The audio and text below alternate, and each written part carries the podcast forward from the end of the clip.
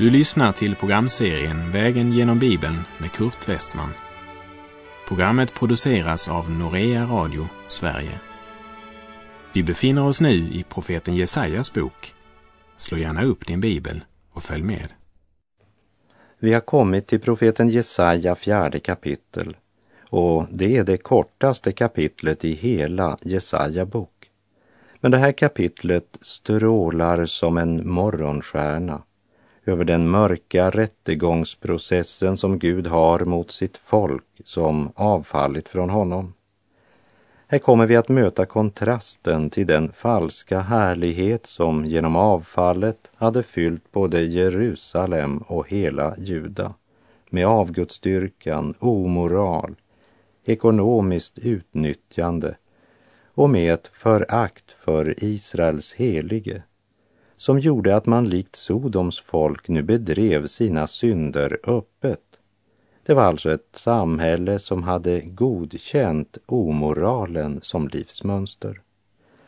Men i stark kontrast till det självberöm och den falska härlighet som folket längtade efter vill Gud visa folket den sanna härlighet och närheten och gemenskapen med Israels Gud.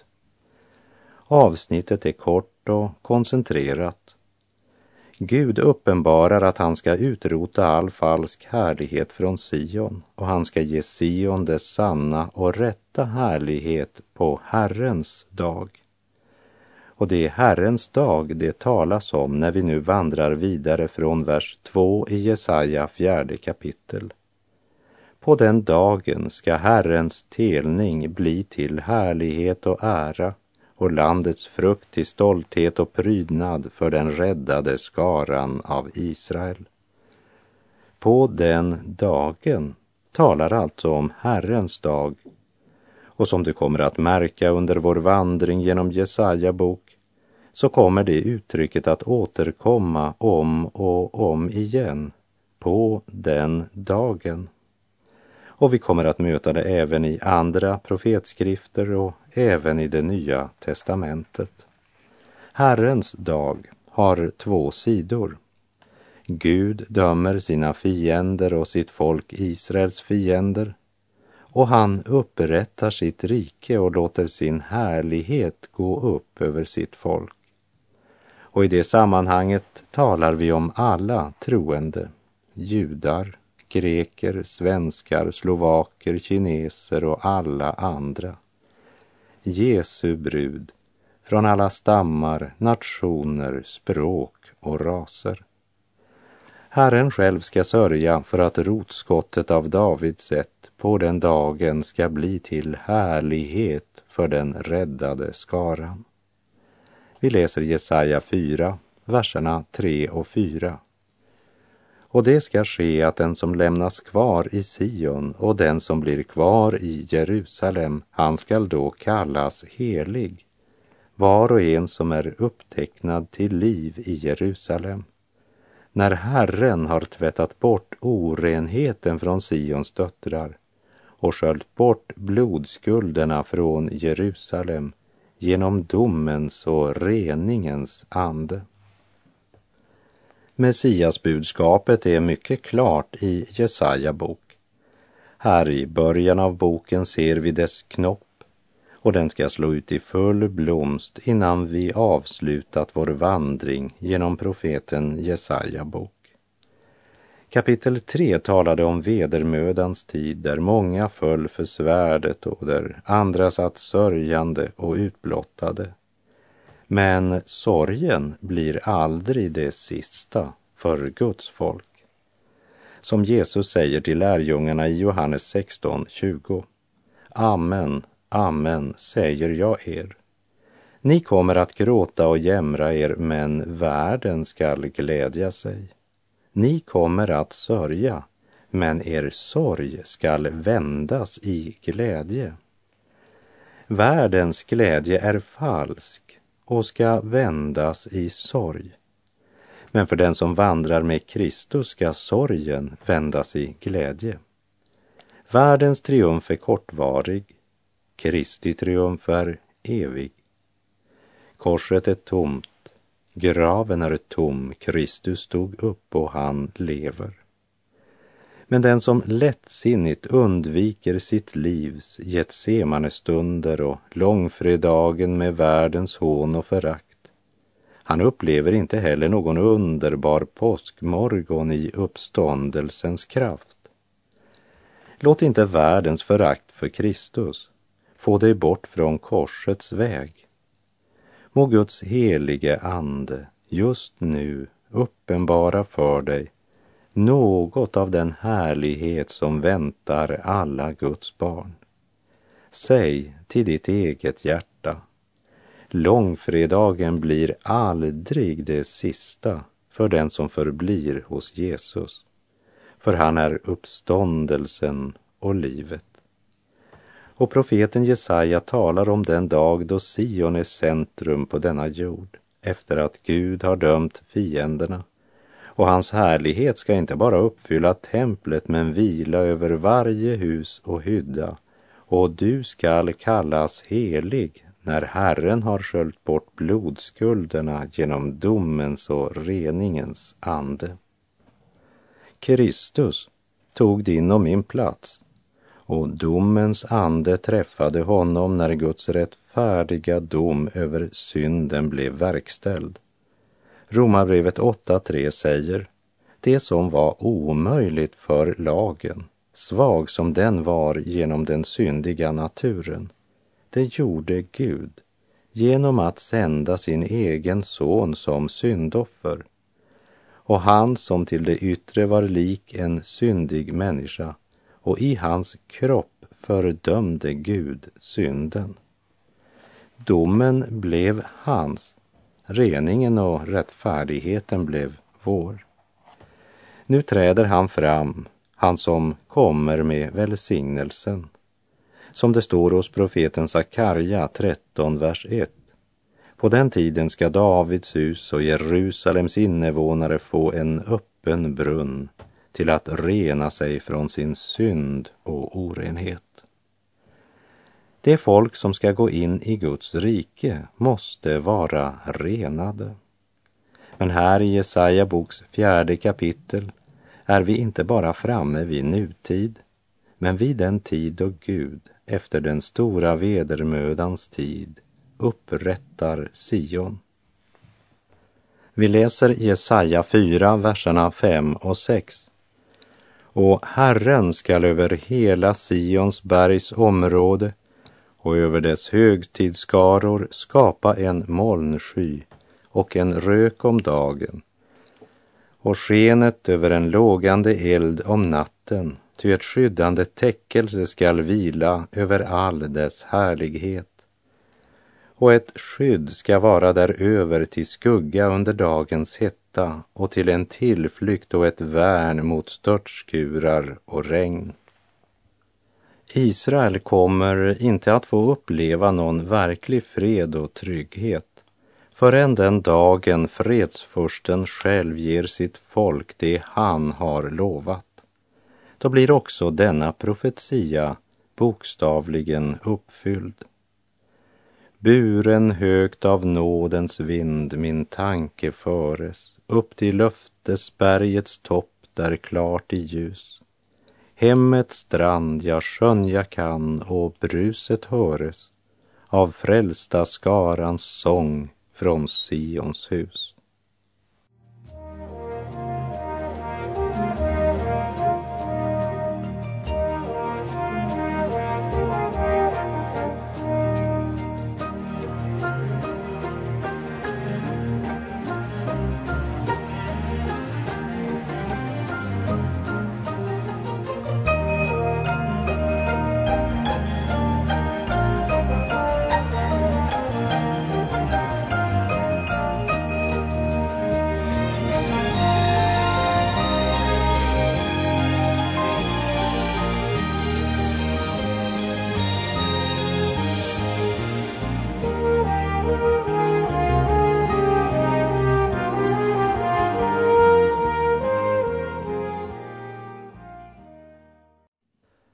När vi nu kommer till Jesaja kapitel 5 så kommer vi därmed till det avsnitt som avslutar den del som började med kapitel 2. I de sju första verserna möter vi liknelsen om vingården och som talar om kontrasten mellan det Sion skulle ha varit och det som det i verkligheten är. Det är verser fyllda av Guds sorg och smärta. För här får vi höra om nationen Israels synd och om det kommande fångenskapet. Och från vers 8 får vi höra Guds verop över sex konkreta synder som bringade Guds dom över nationen och straffet för var och en av synderna. Vi vet inte med säkerhet vid vilken tid Jesaja skrev detta. Men det kan ha varit i slutet av kung Jotams tid eller helt i början av kung Ahas regering. Innehållet i kapitlet verkar i alla fall förutsätta att Jesaja redan varit i verksamhet en längre tid. Och Jesaja förmedlar här både Herrens kärlek och även Herrens djupa sorg och smärta. När jag idag i telefon samtalade med min judiske vän Mikael och han läste på hebreiska ifrån Jesaja 5 som han menar är en av de vackraste sånger som finns, så måste jag säga att det var något speciellt också för mig. Michael han talar ju flytande engelska och även norska.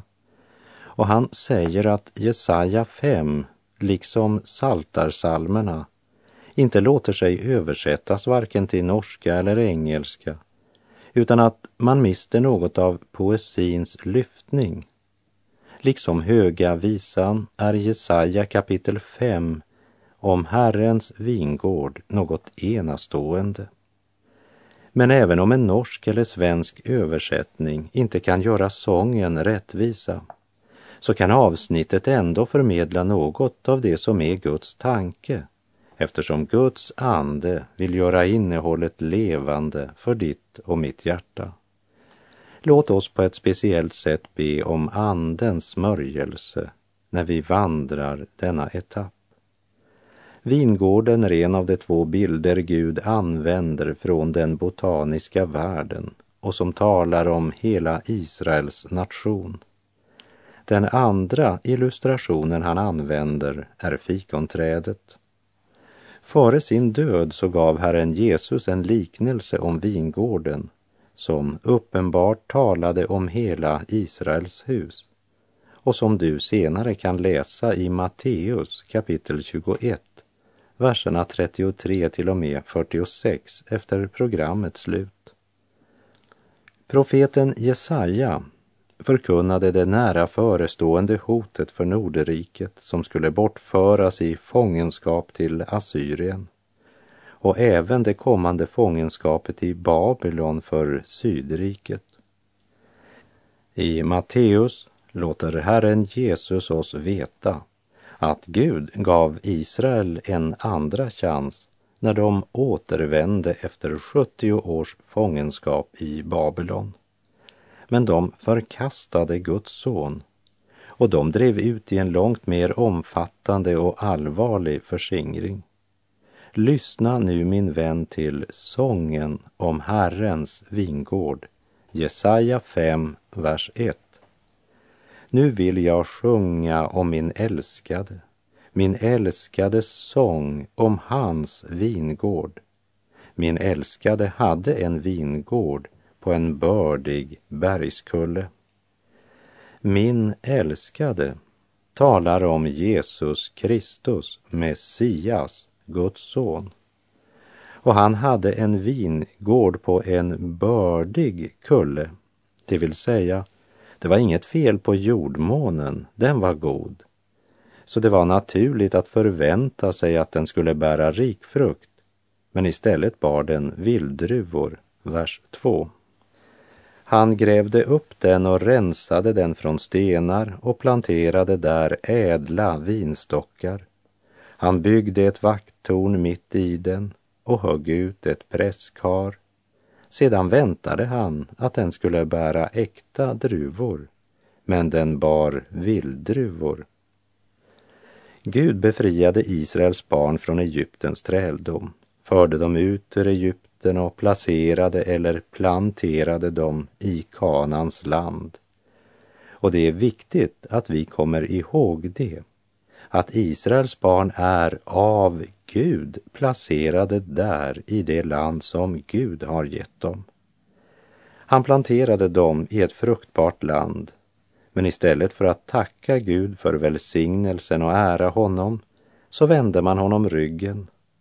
Man använde Guds gåvor till att göra sig oberoende av Gud. Det blev vilddruvor av allt sammans. Det har förundrat mig mycket att när Guds ord talar om välsignelse och om frälsning, kraft och hopp, då har vi bråttom att säga att vi är det andliga Israel. Nu är det den som tror på Jesus som är det nya Israel. Men det märkliga är att när det talas om Guds dom över Israel, när han dömer synden och avfallet, då säger man Ja, men det ordet är ju något som gäller judarna. Hela vår västliga kristendom är så präglad av konsumtionssamhället, välfärd och egoism att vi tror att Guds dom över synden inte gäller oss. Att tro på nåden utan att omvända sig från sina synder är djävulens evangelium. Liksom Gud försöker väcka Israel på Jesaja tid så försöker han idag väcka oss från vår ytliga gudstyrkan, från vår synd och ondska och från vår ringaktan för den helige Gud. Jerusalem och Juda har kallats in i rättegångssalen. Men de är inte de enda, utan ropet göd, hör ni himlar, och lyssna du jord, ty Herren talar.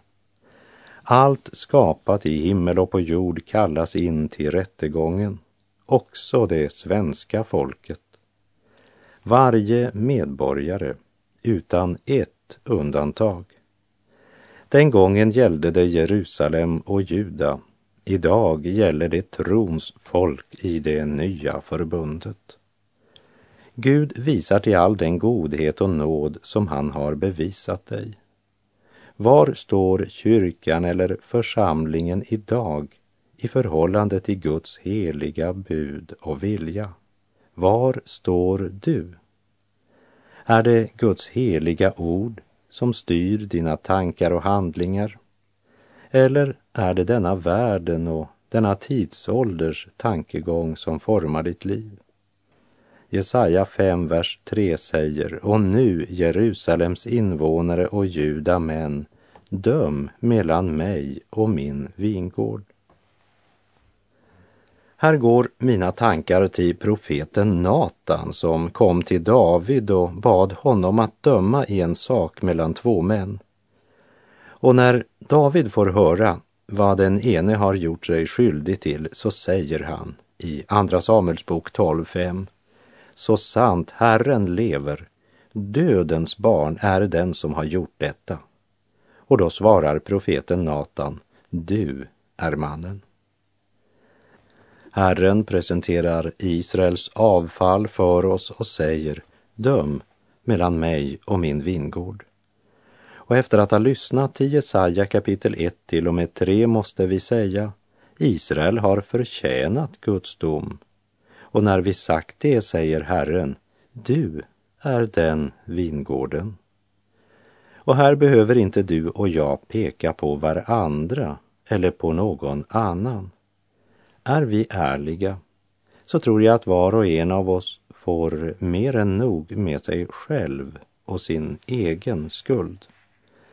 Och låt oss minnas att ingenting är fördolt för Gud utan allt ligger nakent och uppenbart för hans ögon och inför honom måste vi alla stå till svars.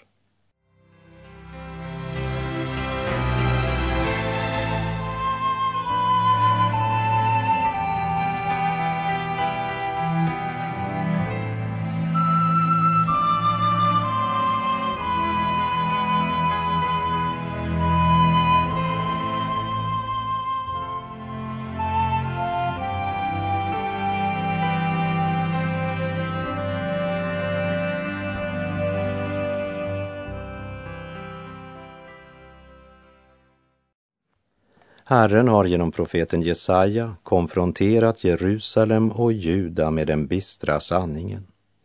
Att vingården som Gud själv hade planterat på en bördig bergskulle, grävt och rensat från stenar, ändå inte bar någon god frukt, men bara vilddruvor. Han har konfronterat dem med deras avfall och synd. Vad menar ni själva? Har jag inte rätt? Säger Gud. Och så frågar han Jesaja 5, 4. Vad kunde mer göras för min vingård än vad jag har gjort för den? Varför bar den vilddruvor när jag väntade att den skulle bära äkta druvor?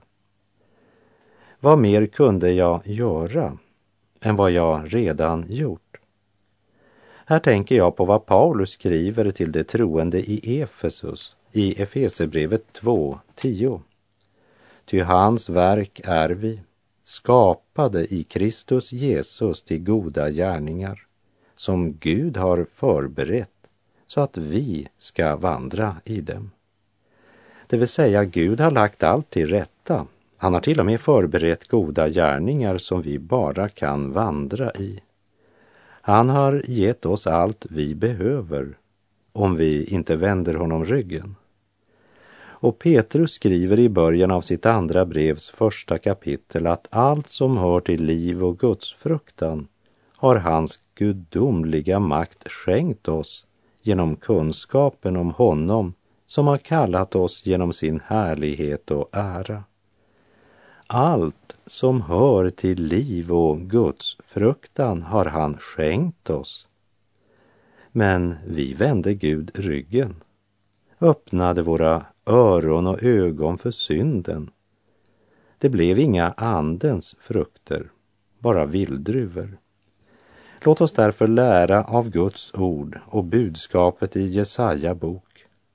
Låt oss inte inbilla oss att vi kan jäcka den helige Gud hur länge som helst. Vår nations syndamått börjar bli överfyllt. Jerusalem och Juda ville inte lyssna till Herrens röst.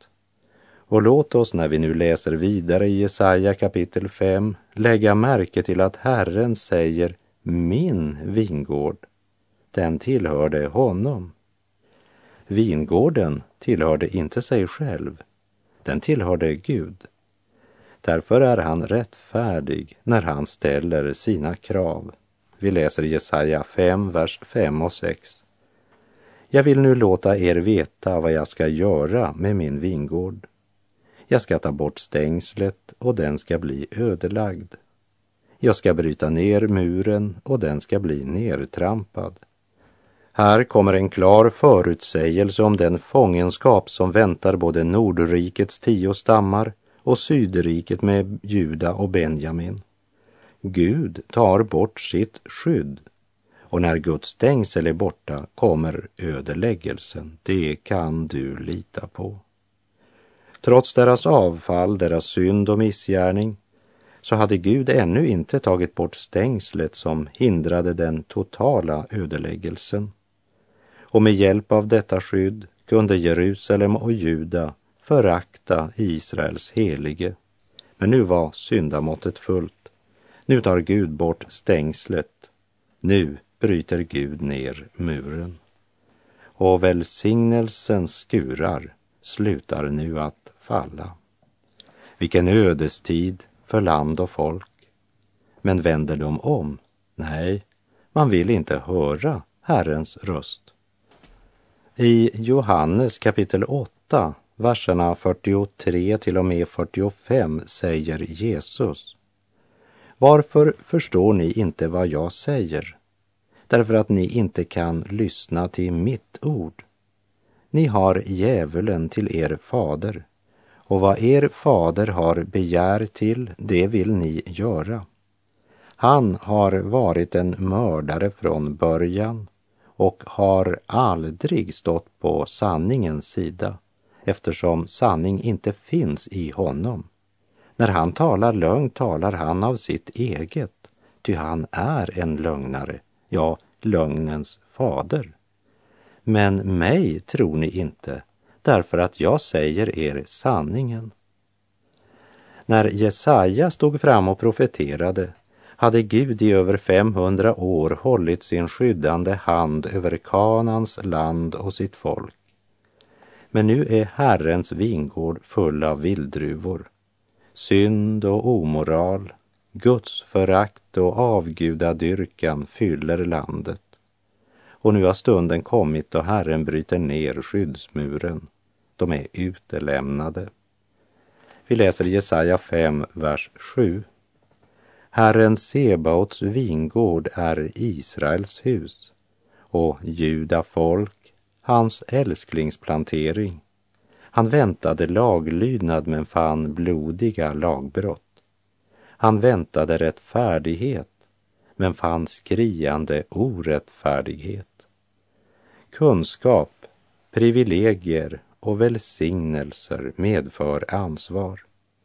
Vi är bara förvaltare av tid, hälsa, kunskap, kraft och egendom. Låt oss inte bedra oss själva, för Gud bedrar vi inte. Det en människas sår skall hon också skörda, det säger Guds ord. Och med det så är vår tid ute för den här gången. Vänd om till Gud och kom igen. Vänd om, han kallar dig, min vän. Vänd om för nattens skuggor falla och evighetens klockor kalla. Herren vare med dig, må hans välsignelse vila över dig. Gud är god.